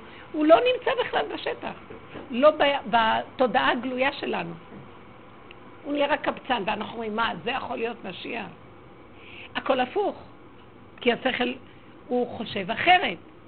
בעצם נמצא שהגאולה היא שינוי תודעה, תודעה אחרת. וזה צריך להכין את זה. מה שעכשיו הולך לרדת זה התודעה החדשה. הכלים שלנו חייבים שינויים, לא, לא, נח, לא נוכל להכיל. יהיו קטסטרופות, לא נחזיק מעמד. כי צריך לדעת להכיל את המהלך. והפלא הכי גדול, איך מכילים? לא צריך להכיל. ככה. אתם חושבים, טוב, אז צריך עכשיו ללמוד שיטה איך מכילים. לא, לא צריך כלום, כי אין כלום. אבל האור הזה גדול, לא. הוא גדול ש, ש, שהקטן מכיל אותו, זה, זה הרבה, שמעט, מעט שמכיל את המרובה, הנקודה הקטנה, ובכלל הוא לא מרובה והוא לא מעט, כי את לא יכולה להגיד להשם גדול או קטן או כלום, זה רק המוח שלנו עושה גדול, קטן, נכון, לא נכון, אין לזה הסבר מה זה, וזה ככה זה וזהו זה. והקטנה, הנקודה הקטנה היא הכי קרובה לכלום, מה שהגדלות, אז היא הכי מתאימה לזה. זה סוד מאוד גדול. לכן תלכו על המקום הזה שתבטלו. תתבטלו, תבטלו, תפרקו, תגידו בסדר, תסכימו, תיכנעו. הכנעה זה התקטנות.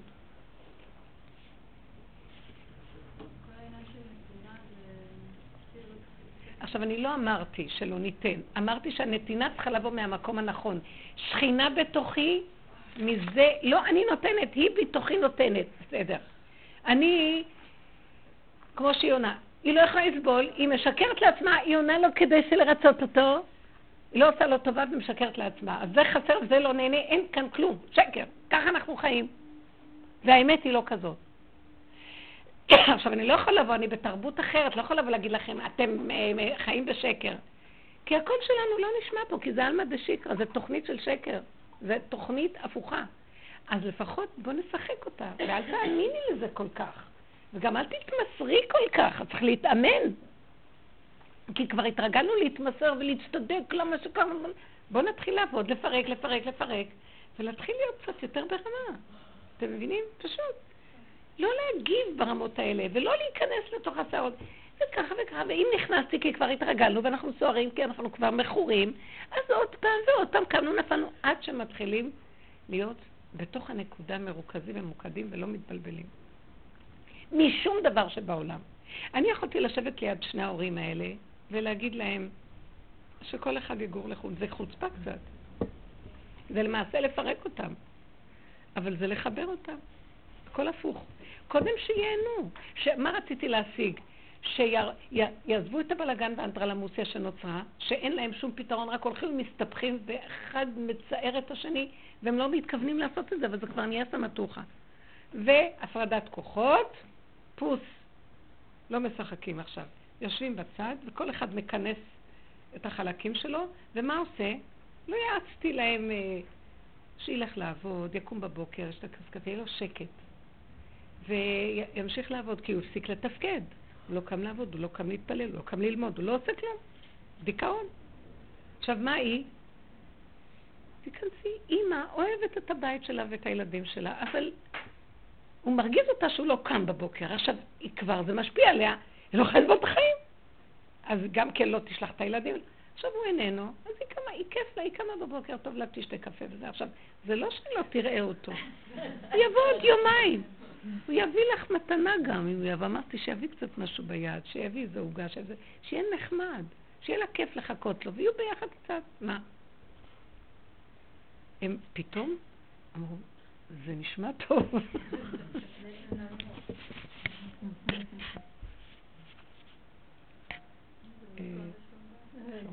כן.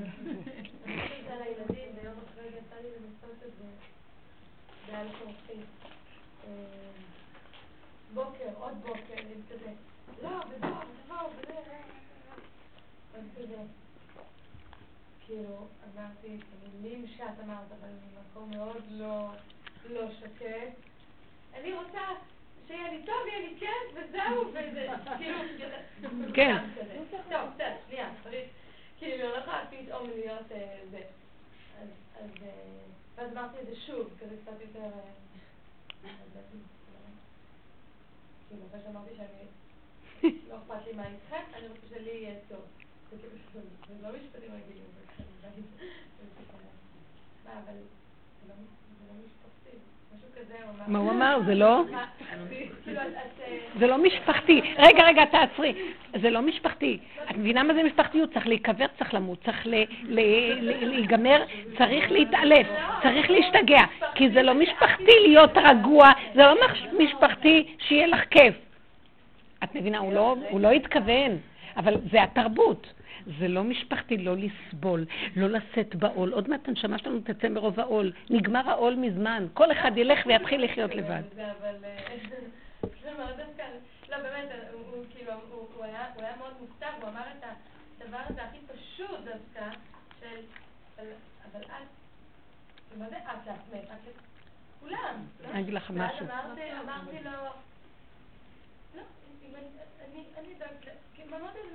לא, את צריכה להגיד לו ככה, המשפחתיות מתחילה קודם כל ממני. אם אני לא נהנית ולא כיף לי, אז לא יכי ממך. אבל אמרתי את זה במילים אחרות בערך. נכון, תלמדו להשיב. את ישבת לי במיטה הזאת של השקד שם, וצחקת, וזה היה כאילו, פתאום לגלות איזה אה, שפה חדשה. אמרתי לו, לא, אני לא אחראית שיהיה לכם כיף, אני אחראית שיהיה לי כיף, אתם מוזמנים להצטרף. אני רוצה שיהיה לי כיף, מי מצטרף אליי? פתאום כל השני, מקסים, מאוד יפה. מלאכי, הקטן, בן שלוש וחצי, לא בדיוק מה קורה, אמר, אני, טוב, אז ללבוש את הנעליים, לנעול את הנעליים.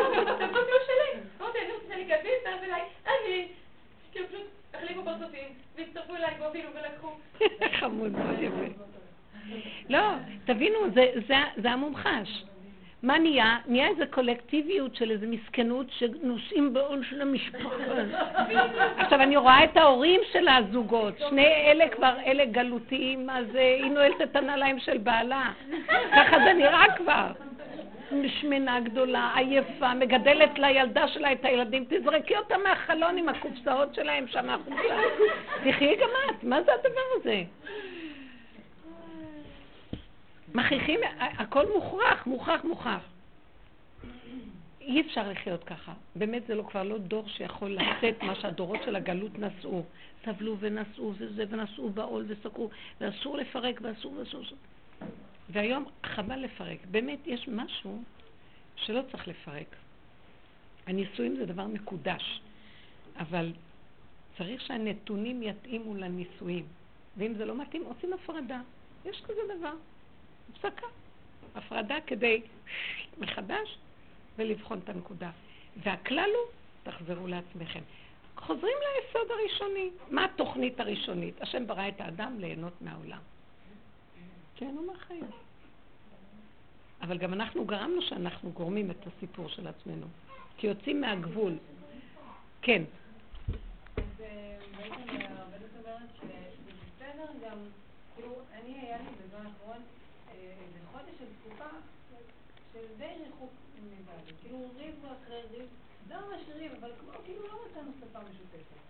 ואז יצא הרבה פעמים שכאילו, שתי חברות שדיברתי איתם על זה, ואז אמרו לי, מה, חודש?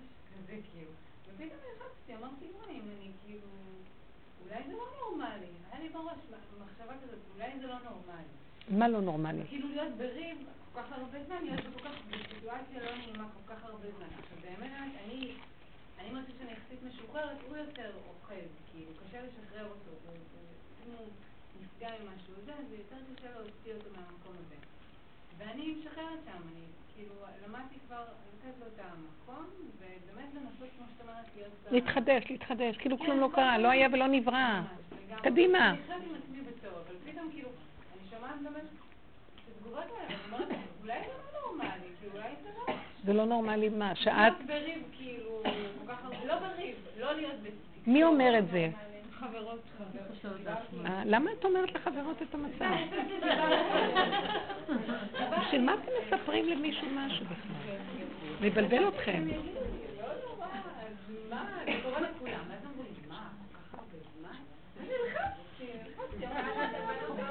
ואני, אין לי בעיה עם זה, אני אומרת, אוקיי, יש תקופות יותר, פחות יש תקשורת, לא לספר לאחרים. אני אגיד לכם את האמת, זה מאוד מבלבל. אני אגיד לך למה. ברגע שאת מספרת, אז נהיה סיפור. לא עושה מזה עניין. אל תספרי, היה נתון אחד, נגמר נתון, נגמר. את עושה סיפור. סיפור זה מסכת. זה, סיפור זה יותר, יש לדבר ויש לספר. שתי לשונות, נכון? לדבר זה להיות יותר ענייני, לספר זה להכניס רגש וחוויה לתוך הדבר.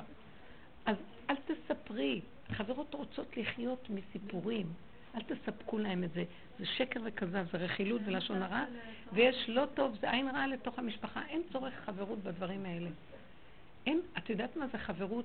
כדי לת... שהיא תהיה חברה בדרך שאת יכולה לפרק איתה את הדרך, איך שהיא תעזור לך לחזור, איך לחזור לעצמך שאין כלום. זאת חברה. חברה בדרך, חברה שהיא מועילה לך חברות על העבודה. אבל חברות שמשעמם, יש לך מלא חברות שבדרך פה. תיצרו תקשורת של עבודה ותהיו אמיתיות ותשחררו את הסיפורים שלכם אחת לשנייה.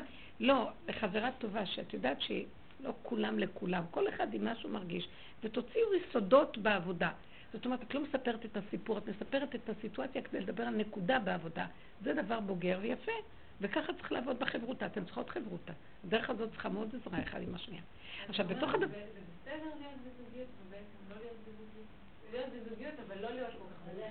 אין זוגיות. זה לא נכון שאת לא בתקשורת. זה המוח של עץ הדת מפרש. הנה הפרשנות.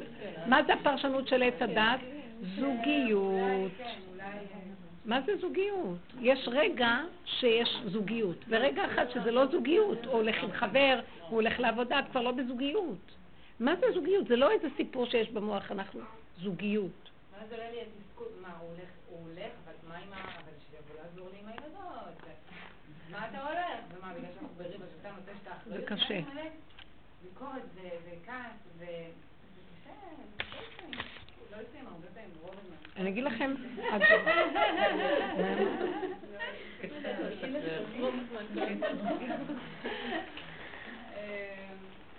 זה זה מאתגר כל פעם לסגור את המקום של ה... כשאין ילדים, בסדר, אני מבינה, כל אחד לעצמו. אבל מרגע שנהיה המקום של העול המשותף, אני אגיד לכם משהו שקרה פה.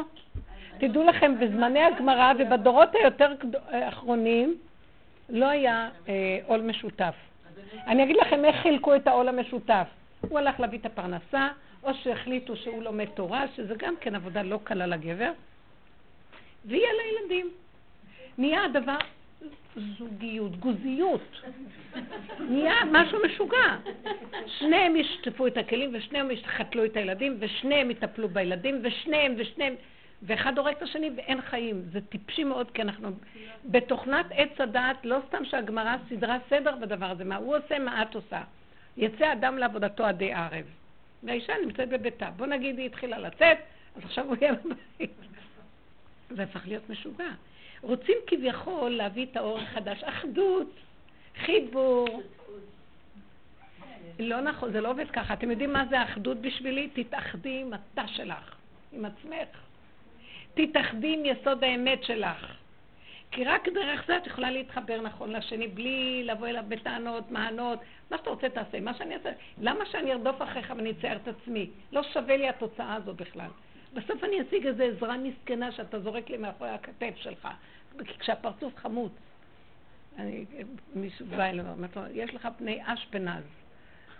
אשפנז, איש פניו זועפות. יש לך פני אשפנז. זה לא, לא שווה. אז תעשי לבד ותהיי שמחה ודי. המסכנות האלה מתעלקות למה הוא לא ככה וזה לא ככה וזה לא שוויוני וזה לא זה וזה הדרת נשים. תפסיקו כבר, התוכנה הזאת לא עובדת. רוצים אור חדש בכלים של האור הישן.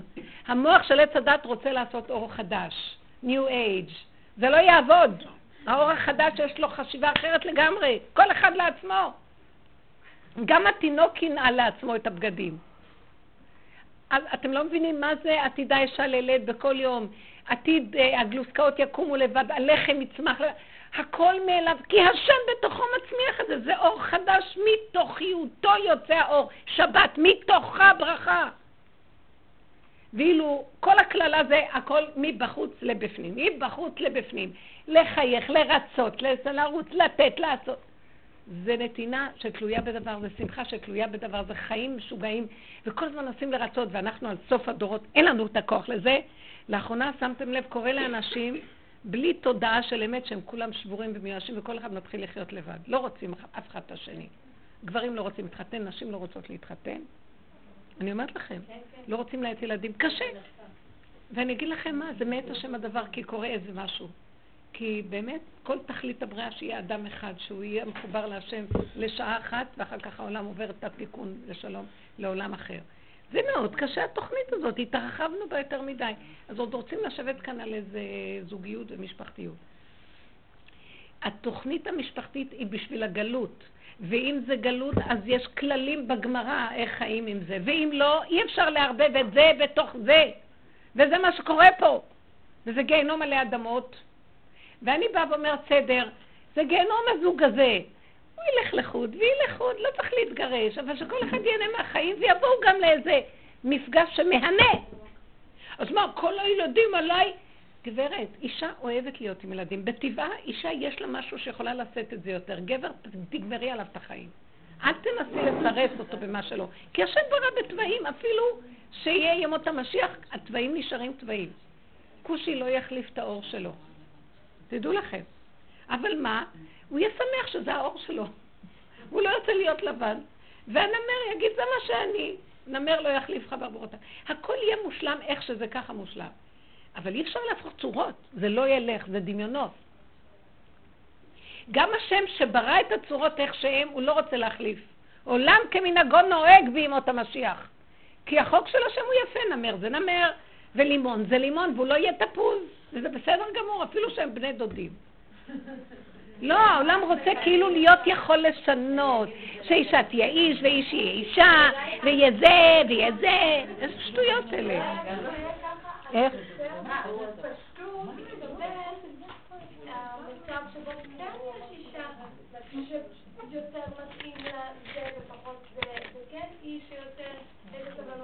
נכון.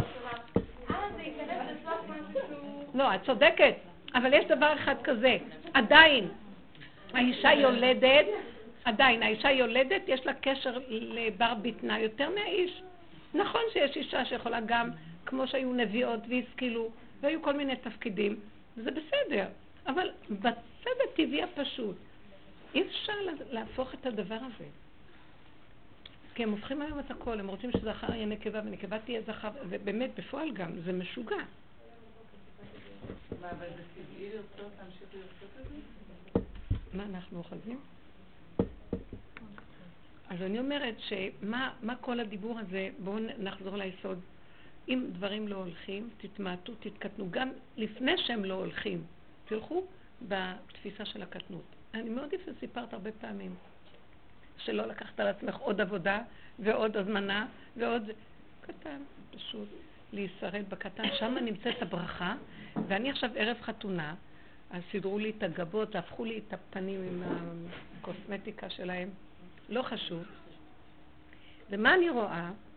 כל פעם שאני נלחצת לעשות משהו, כלום לא הולך. כלום. ואז אני שומעת את הקול הפנימי אומר, את בוגדת בשכינה.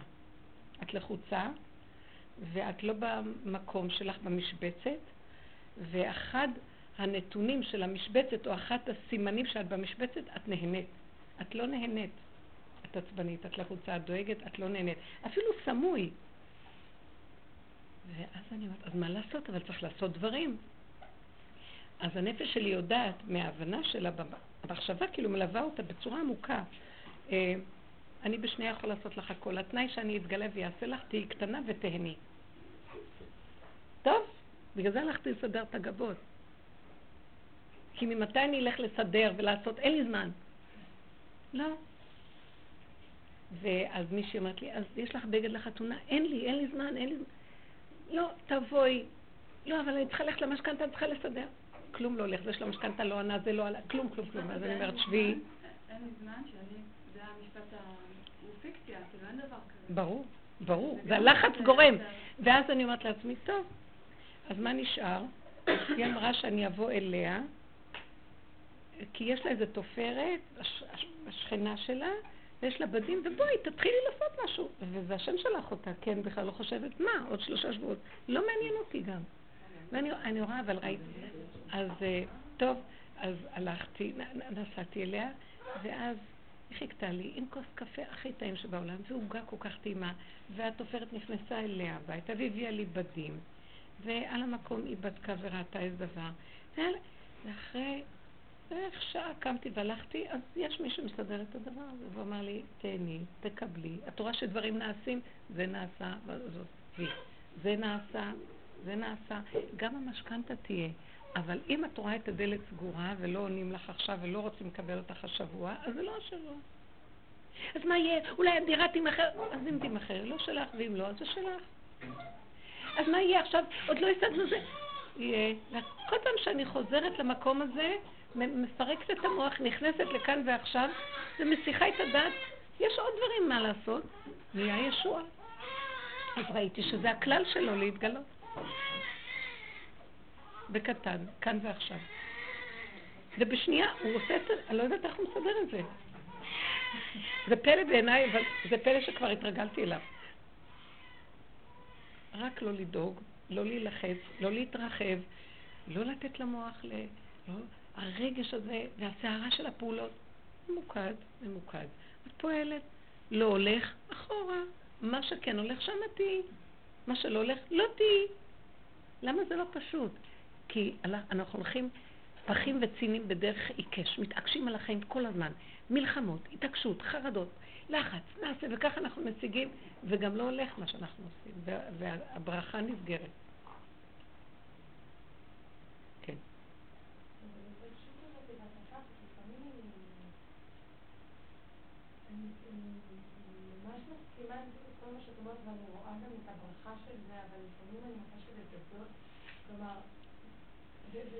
לא רק עליי, שאני אומרת זה גדול ממני, אלא דברים שאני רואה שזה, אמ, שזה אורגני, שזה באמת פיזיולוגי אפילו, כלומר שזה, זה... הלוואי, הלוואי שזה כל מה שהיה חסר, אבל, כאילו, התודעה, אבל אני מרגישה שזה לא תמיד מספיק. כלומר, לפעמים זה באמת עוצמתי יותר, וקצת אה, לעשות את זה ממאמץ כזה של שני צעדים קדימה, אחד אחורה, שניים קדימה, אחד אחורה, כי לפעמים זה, זה, זה, זה אפילו הפרעת קשב וריכוז.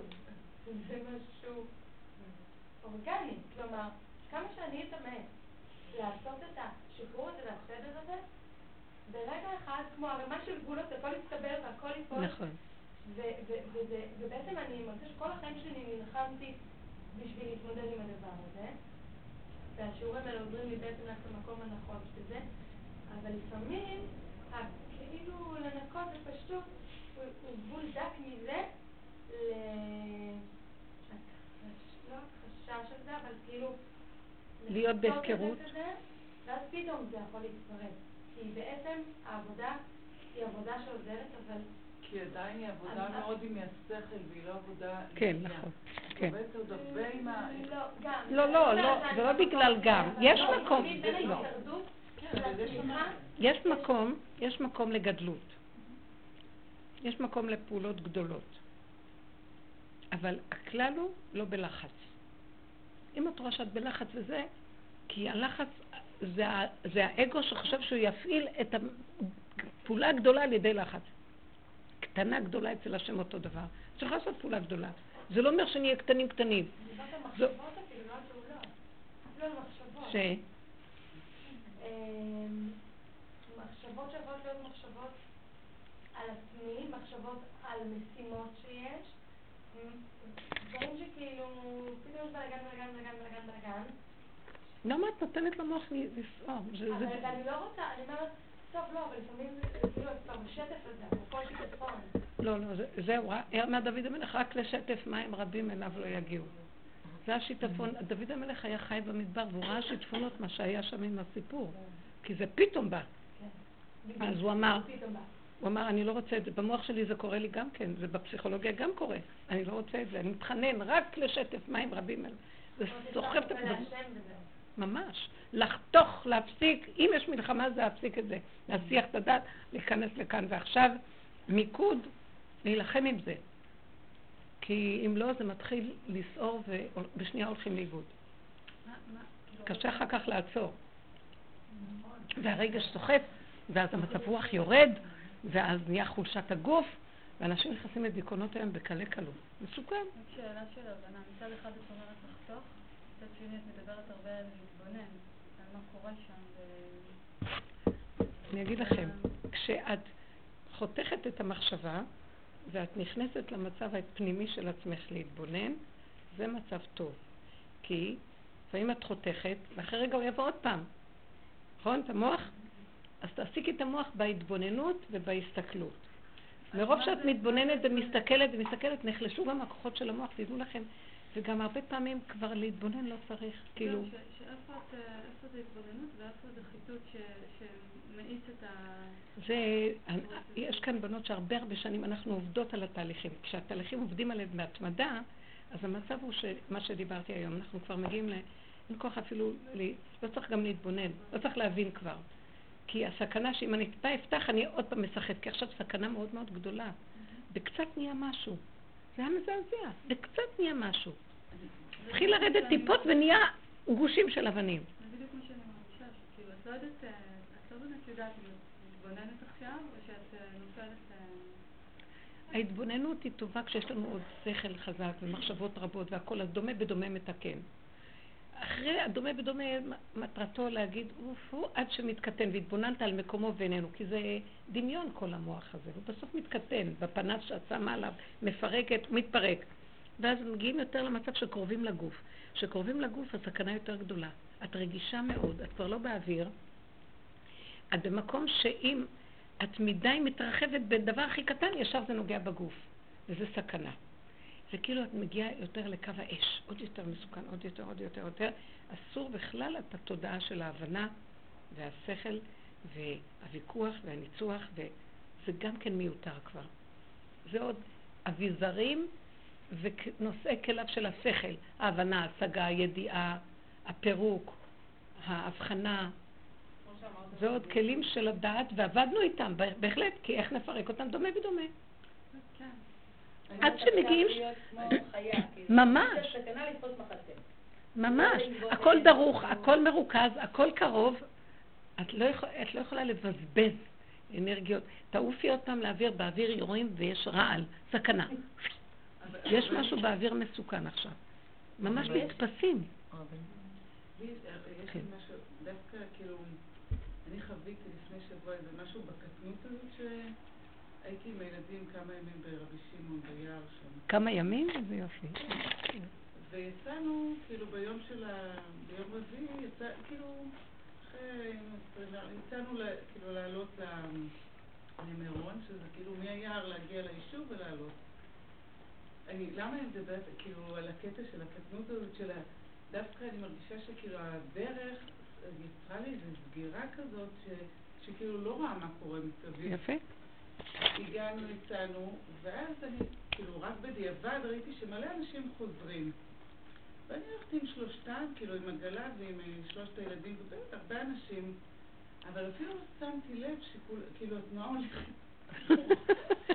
לא, זה רק בדיעבד הגעתי, ואז אני מגיעה לכביש, ולא נותנים לנו לעבור, כאילו, המשטרה סגרו את הכבישים, וכאילו צריך לעשות איזה סיבוב. וכאילו בכלל לא הבנתי מה, כאילו, רק לפני יום, כאילו, הגענו והכל היה פתוח, לא... ויש שם איזו נקודה דווקא של הצמצום הזה, שאמרתי, אבל, אבל אני צריכה לעבור עכשיו את הכביש. כאילו, אני פה עם שלושה ילדים, לא במקום שלי, אה, באיזה... והוא כאילו בא... כמו גולם, גולם. כן, ממש הגענו, ואז פתאום הוא אומר, ואז הוא כאילו הוא אומר, בואי, אני, אעצור את התנועה. איזה הוא יופי. עצר את התנועה, כאילו, עצר שם את האוטובוסים, וזהו, ורק אחר כך, אחרי. שעברנו את. אני נהנית מהסיפור הזה ביותר. את רואה? היחידה שלה הייתה, היא לא הבינה שיש משהו אחר, לא להבין, לא לדעת. נפל המוח הזה, שום דבר לא עומד בפני המוח החדש, והוא נראה, הוא דבילי, הכל ייפתח.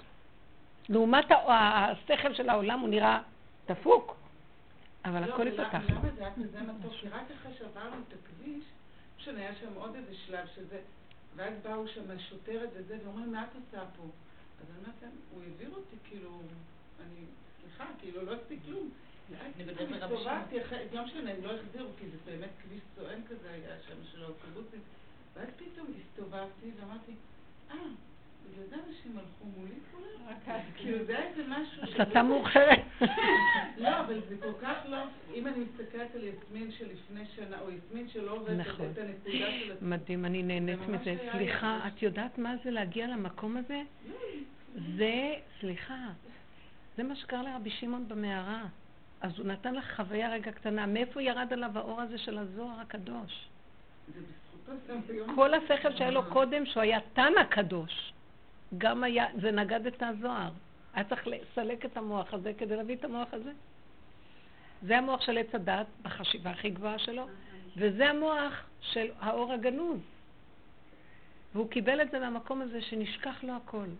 שכח את הכל, לא, כמו, זה גולם. אתם יודעים שמשיח נקרא גולם חכם. הוא גולם שיורד אליו החוכמה האלוקית, והחוכמה מהעין תימצא. מאחר והוא כל כך עין, אין לו אישיות, אין לו ישות, אין לו את המוח הזה, והוא כל כך תמים וכלום, שהכל בא לקראתו. הוא רוצה שנגיע למקום הזה. תקשיבו, אסור מדי לחשוב, כי אף אחד לא יבחר להגיע למקום הזה. אבל קודם שתדעו לכם, הבריאה משרתת את הגולם. אני יותר מזה יכול להגיד לכם, שהקדוש ברוך הוא זה הגולם. קשה להגיד את זה? היסוד של הגולם ממנו יוצא הפרפר.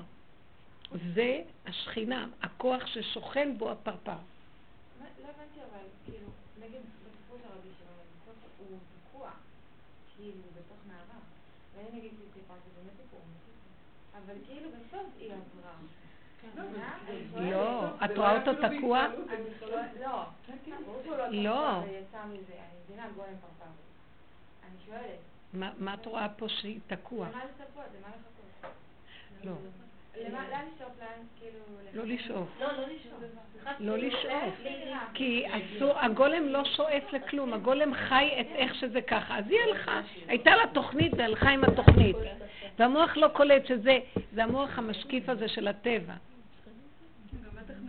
זה תמימות ונקיות. לא, הם- היו שם, בכלל, אחר כך קלטתי, זה היה החניון של היס"מ, כאילו הפך להיות המקום, כאילו, והילדים שלי עברו והצטלמו, הם רצו שאני אצלם אותם עם זה. ואני כאילו הייתי איתם חוויה. בחוויה זה באמת, לא קלטתי את הנקודה, הם רצו לזה, ואז פתאום הם נעמדו שם והתפללו, אז הבן שלי עם התסמונת הלך והתפלל איתם. וכאילו אני כאילו, יש לי תמונות, ובכלל לא קלטתי, אני רק, איזה יפה. לא, זה היה משהו בחוויה. אתם יודעים שזה נקרא היסח הדעת, והיסח הדעת, משיח בא בהיסח הדעת. תודה רבה, מתוקות שלי. מאוד מאוד יפה, מדהים, מדהים. זה מתנה לרגע, מתנה.